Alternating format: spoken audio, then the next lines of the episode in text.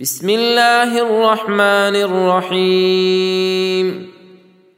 والتين والزيتون وطور سينين وهذا البلد الأمين.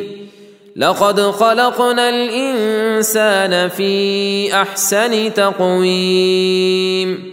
ثم رددناه أسفل سافلين.